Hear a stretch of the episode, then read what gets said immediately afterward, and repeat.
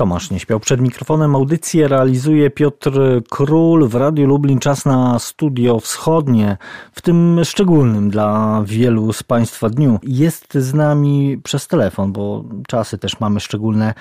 Tomasz Róg, historyk, regionalista, dyrektor Muzeum Kresów w Lubaczowie. Dzień dobry.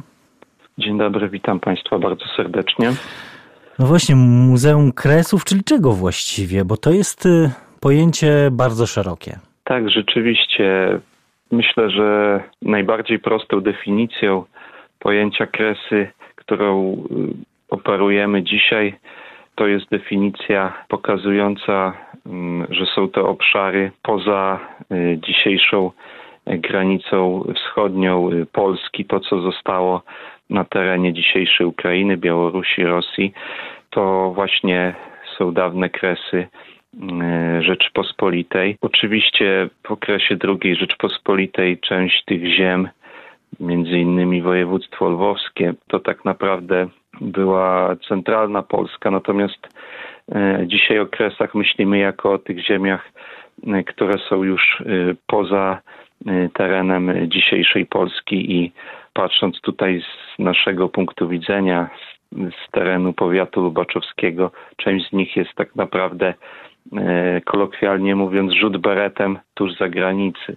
Tuż Zresztą zupełnie podobną sytuację mamy my tutaj na Lubelszczyźnie, prawda? Dokładnie tak. Także y, myślę, że ta definicja najprostsza wiele mówi o o znaczeniu kresów y, dla, dla Polaków i ta świadomość dziedzictwa tych ziem, wkładu kulturowego y, w rozwój Polski, obszarów kresów y, dawnej Rzeczypospolitej jest coraz większa i ta świadomość w społeczeństwie jest coraz większa, co nas niezmiernie cieszy. A dlaczego nazwa Muzeum Kresów w Lubaczowie?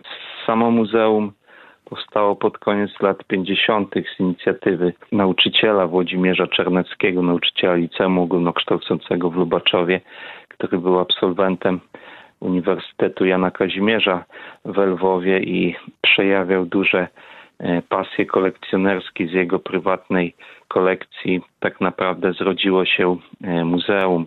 To pierwsze takie nazwane e, społeczne muzeum regionalne w, Lubaczowie. Tak, tak, w Lubaczowie. Tak. Społeczne muzeum regionalne tak naprawdę na początku mieściło się w jednej sali lekcyjnej w e, liceum, później zostało na początku lat 60. przeniesione do budynku w pobliżu rynku, przejęte przez miejscowy oddział PTTK E, i dopiero w 1981 roku upaństwowione, a pięć lat później, czyli w 1986 roku, muzeum otrzymało e, wyremontowany budynek XIX-wiecznego spichlerza jako nową siedzibę i tam mogło już w pełni rozwinąć swoje, swoje możliwości. Tam znalazło się dużo miejsca na Y, część wystawienniczą na magazyny powiększających się zbiorów muzealnych.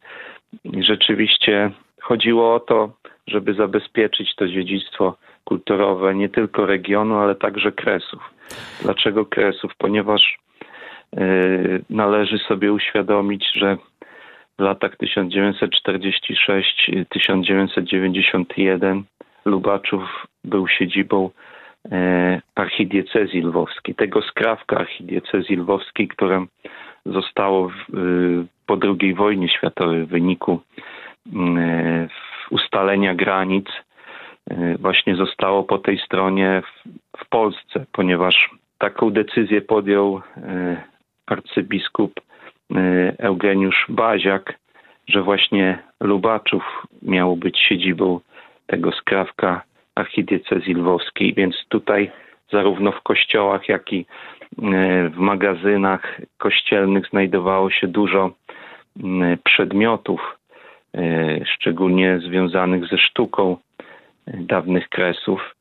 I no to właśnie, właśnie co, co, muzeum co? zaczęło zabezpieczać te, mhm. te, zbiory. Jakie, jakie y, były to jeszcze zbiory? Bo, bo też na stronie internetowej muzeum piszecie, że Lubaczowskie Muzeum, muzeum zrodziło się z pasji kolekcjonerskiej y, Włodzimierza Czerneckiego właśnie. Jak już wspomniałem, absolwent Uniwersytetu Jana Kazimierza miał kontakty mm, z wieloma uczonymi, z profesorami tego prężnego ośrodka akademickiego, jakim był Lwów.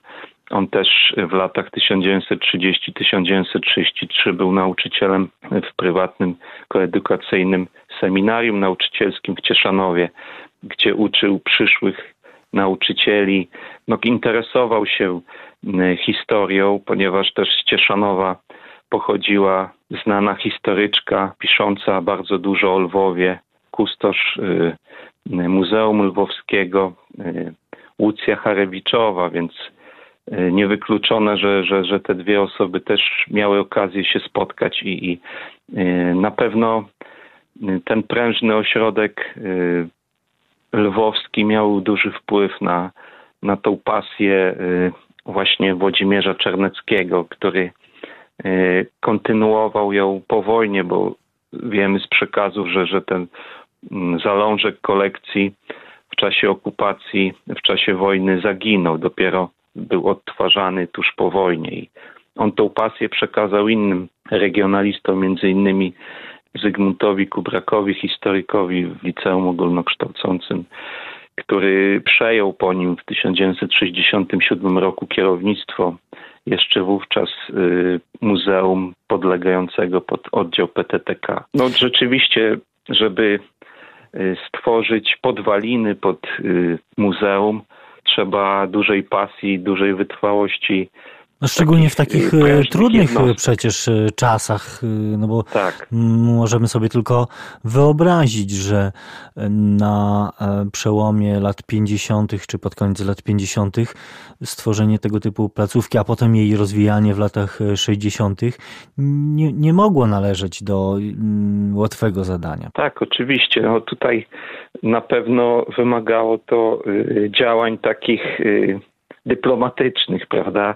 Nie można było pewnych rzeczy e, oficjalnie robić e, i, i starać się e, po prostu gromadzić te zbiory kresowe, ale nie eksponując tego zbyt bardzo, bo wiadomo, że, że władze komunistyczne były przeciwne eksponowaniu samej tematyki kresów. Starały się przemilczeć, starały się te tematy zamiatać pod dywan. Natomiast społeczeństwo o tym pamiętało. Wiele osób, które się tutaj osiedliło po wojnie e, w wyniku ekspatriacji, mm, no, pochodziło właśnie z Kresów, pochodziło z tych e, miejscowości, mm, które zostały już na, na sowieckiej Ukrainie między innymi i one pamiętały o tych swoich korzeniach i tutaj w Lubaczowie czy w innych miejscowościach znalazły swój nowy dom, ale ta pamięć trwała, była przekazywana e, następnym pokoleniom. I dzięki, Trzeba powiedzieć też, ta pamięć temu... często była y, wspomnieniem bolesnym. Oczywiście, bo tutaj te tereny y, rzeczywiście były bardzo doświadczone y, przez zarówno okupanta sowieckiego, jak i niemieckiego, a później jeszcze w wyniku e, walk e, z ukraińską powstańczą armią, w wyniku e, wielu morderstw zginęło bardzo dużo Polaków.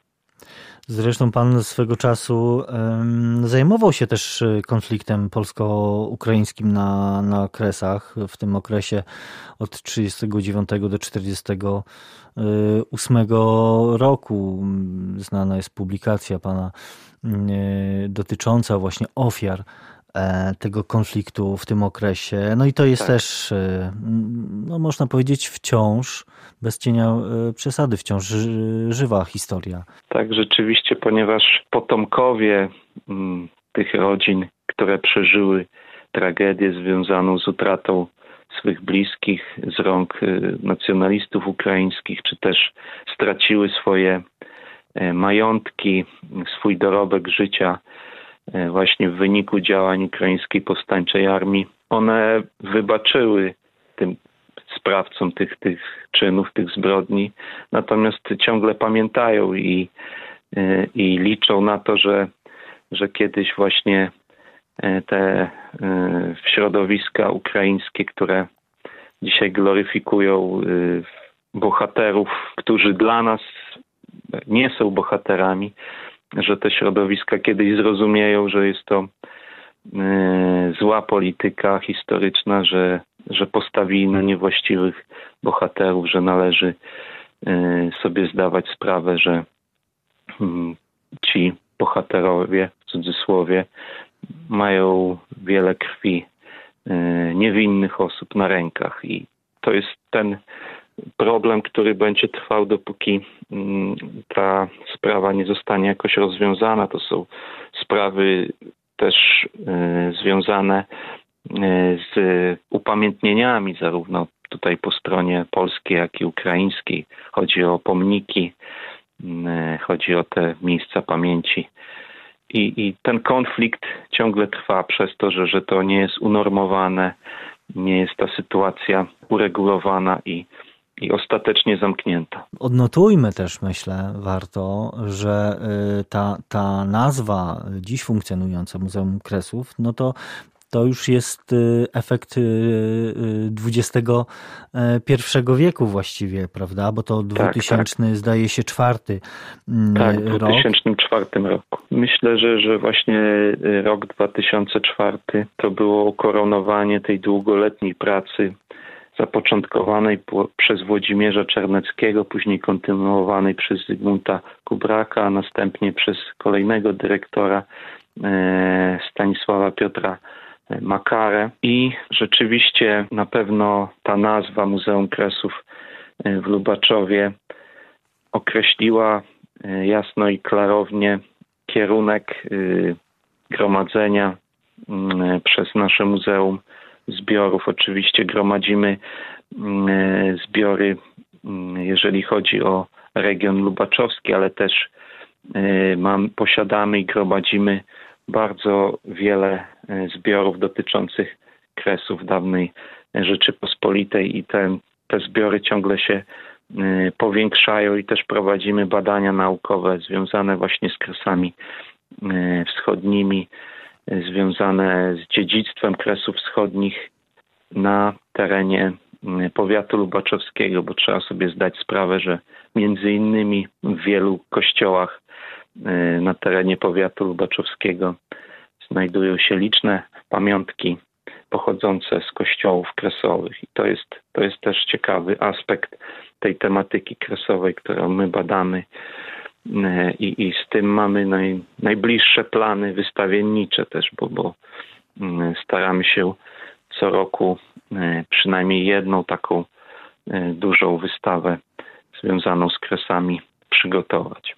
To jeśli chodzi o tę tematykę sakralną, no to, mm, to też myślę e, trzeba odnotować, że mm, od 10 już lat w ramach Muzeum Kresów jesteście właścicielem zespołu cerkiewnego w Radróżu. E, no, y, też obiekt y, szczególny w skali nie tylko krajowej, europejskiej, ale światowej, co zresztą potwierdziła e, obecność na liście Światowego Dziedzictwa UNESCO.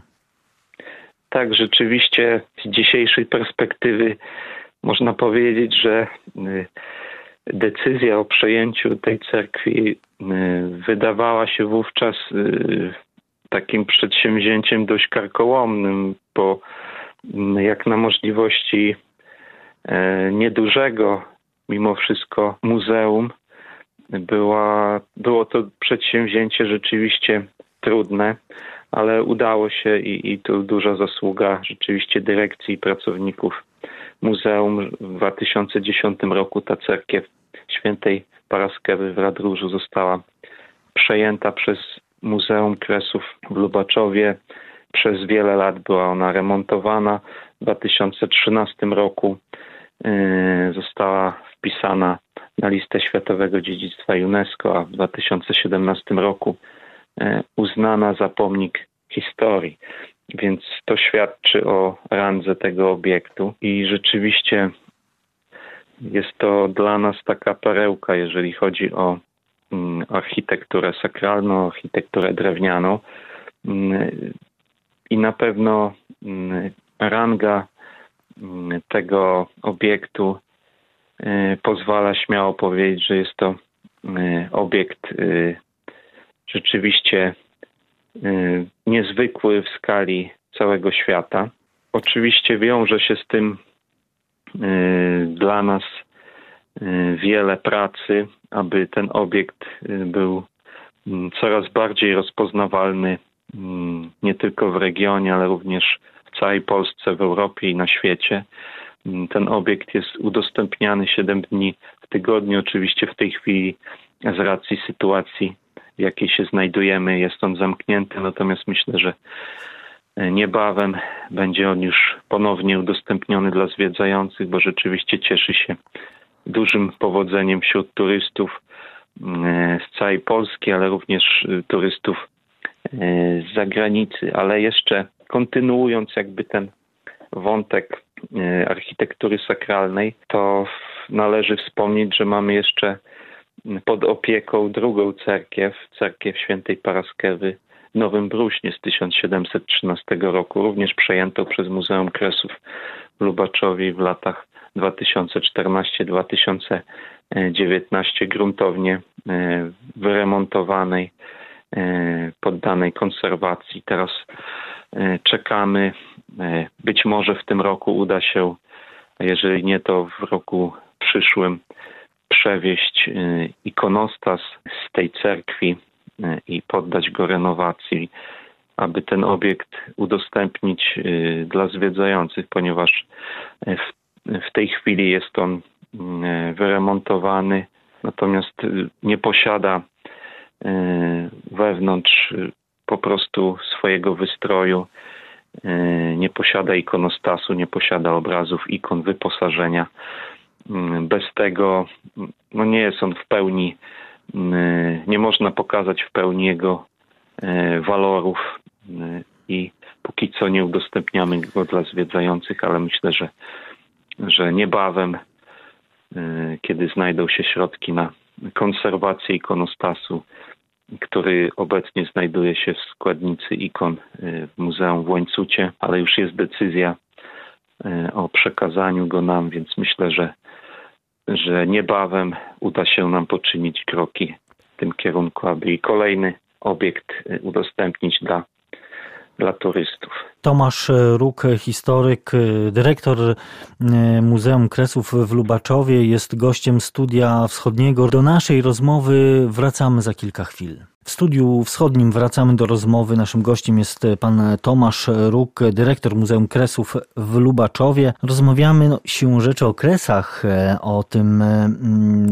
dziedzictwie kulturowym, ale Panie dyrektorze, z jednej strony to dziedzictwo e, Kresów nadaje ton działalności waszej placówki, ale też e, macie też takie mm, wydarzenia, e, które mm, też są same w sobie E, wyjątkowymi wydarzeniami, bo też, e, no nie wiem, czy, czy mm, to jest dobre określenie specjalizacja, ale e, bez wątpienia mm, postawienie na mm, rysunek współczesny i sprowadzanie i pokazywanie twórczości artystów no właściwie najwyższej rangi.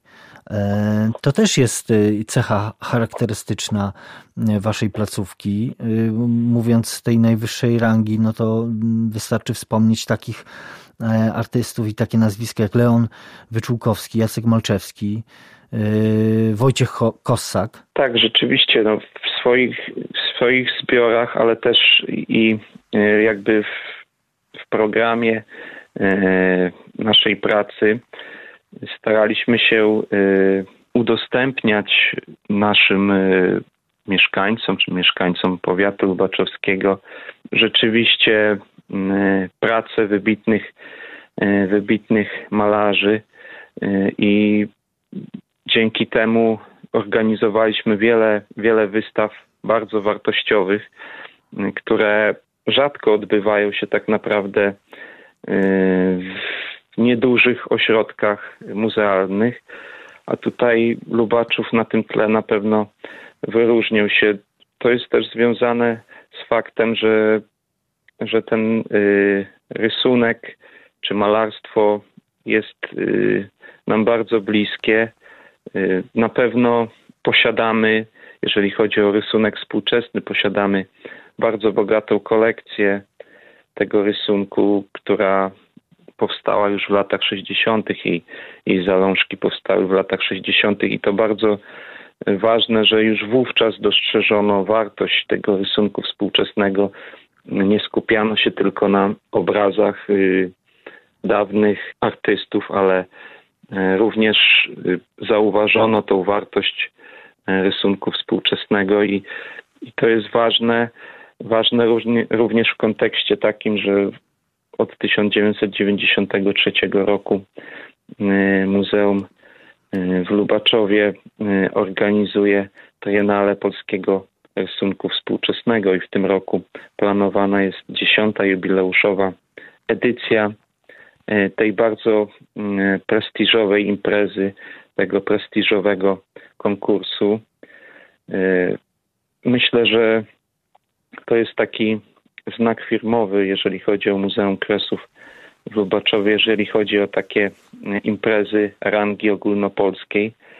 E, I na pewno chcemy podtrzymywać tą e, tradycję kolekcjonerstwa polskiego rysunku współczesnego. Mamy w tej bogatej kolekcji prace takich artystów jak Tadeusz Kulisiewicz, Tadeusz Brzozowski, E, Alfred Lenica, Ryszard Otręba czy Zdzisław Beksiński i wielu innych, więc to są bardzo wartościowe prace i one e, powiększają się, e, ta kolekcja powiększa się z każdą edycją właśnie Triennale, ponieważ te prace, które zwyciężają, one zasilają, że tak powiem, nasze zbiory, więc to też jest dla nas bardzo ważne, że, że wielu czołowych artystów chce brać udział mm, w trynale polskiego e, rysunku mm, współczesnego organizowanego przez e, nasze muzeum. To pokazuje, że, że jest duża ranga tego wydarzenia. Natomiast wracając jeszcze mm, do naszych zbiorów, jeżeli chodzi o malarstwo, to mamy rzeczywiście kilka wyjątkowych perełek związanych z kresami. Tutaj chyba jeden z najcenniejszych portretów trumiennych y, w skali Polski. Portret Józefa Stanisława Potockiego, hetmana wielkiego koronnego. Portret wykonany w 1751 roku, który y, pierwotnie wisiał w kolegiacie w Stanisławowie, gdzie y, hetman został pochowany. E, z piękną, złoconą ramą.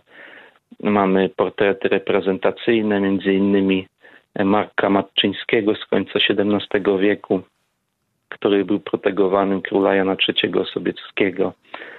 E, portrety Stanisława Potockiego z drugiej połowy XVII wieku, który był starostą halickim i poległ jako dowódca chorągwi husarskiej w bitwie pod Wiedniem.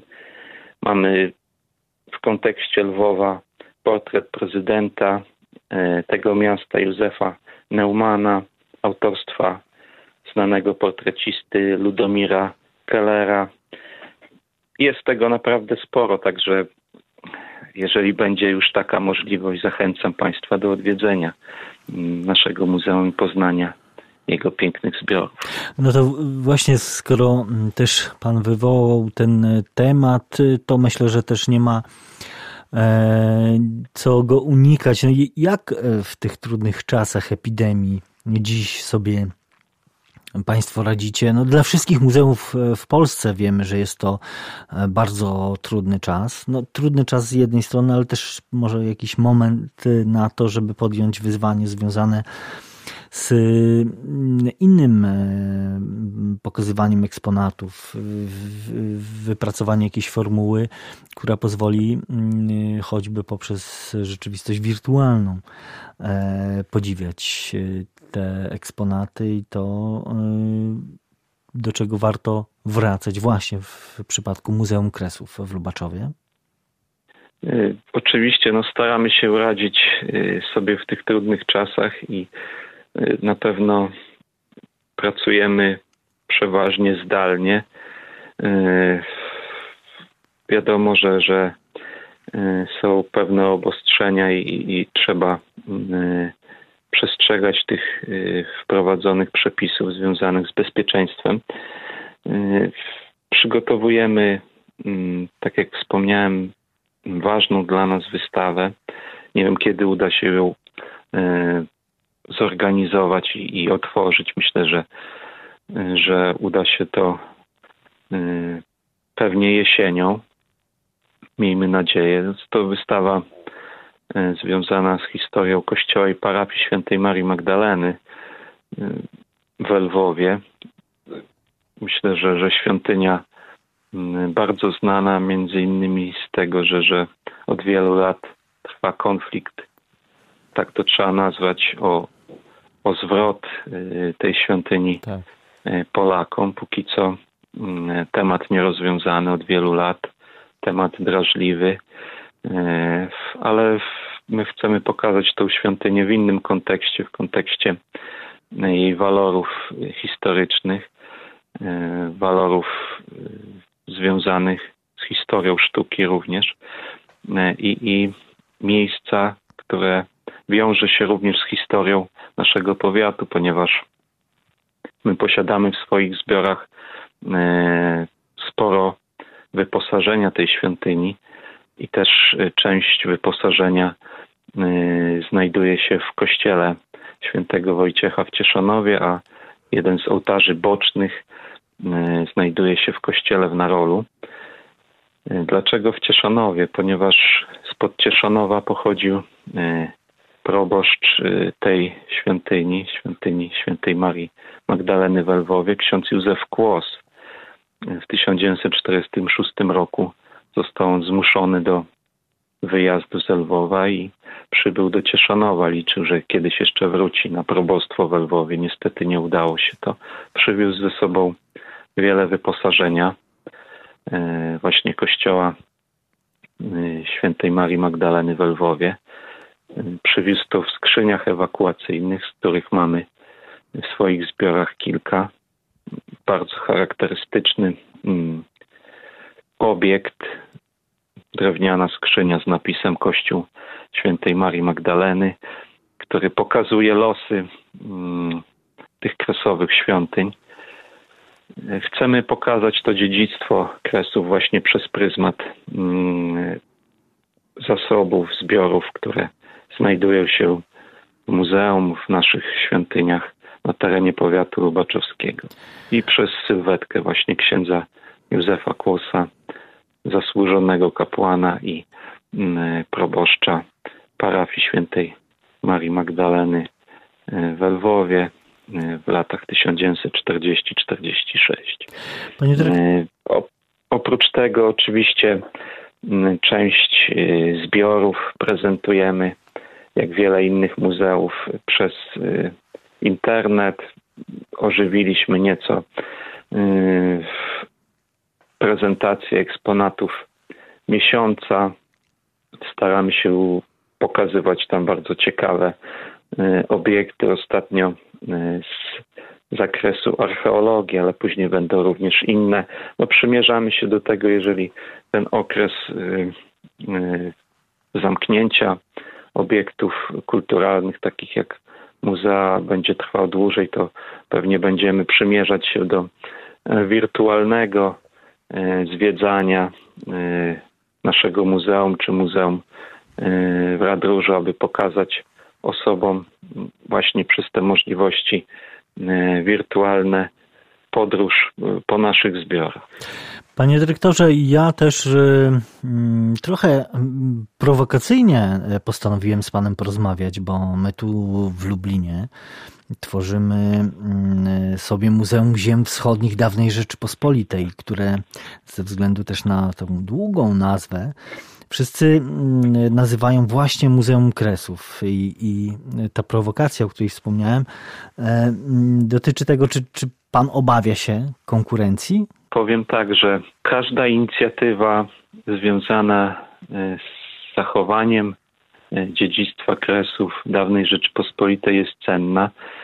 Natomiast e, każda, mm, każda inicjatywa, która mm, ma na celu utworzenie nowego muzeum od podstaw, rodzi zawsze jakieś kontrowersje, rodzi pytania o zasadność. Na pewno y, należy y, wspomnieć, że, że, że rzeczywiście jest to inicjatywa y, ciekawa, godna pochwały, natomiast zawsze jest dla nas, istnieje dla nas jakieś ryzyko marginalizacji naszego muzeum. Mam nadzieję, że do tego nie dojdzie, natomiast zawsze jest taka obawa.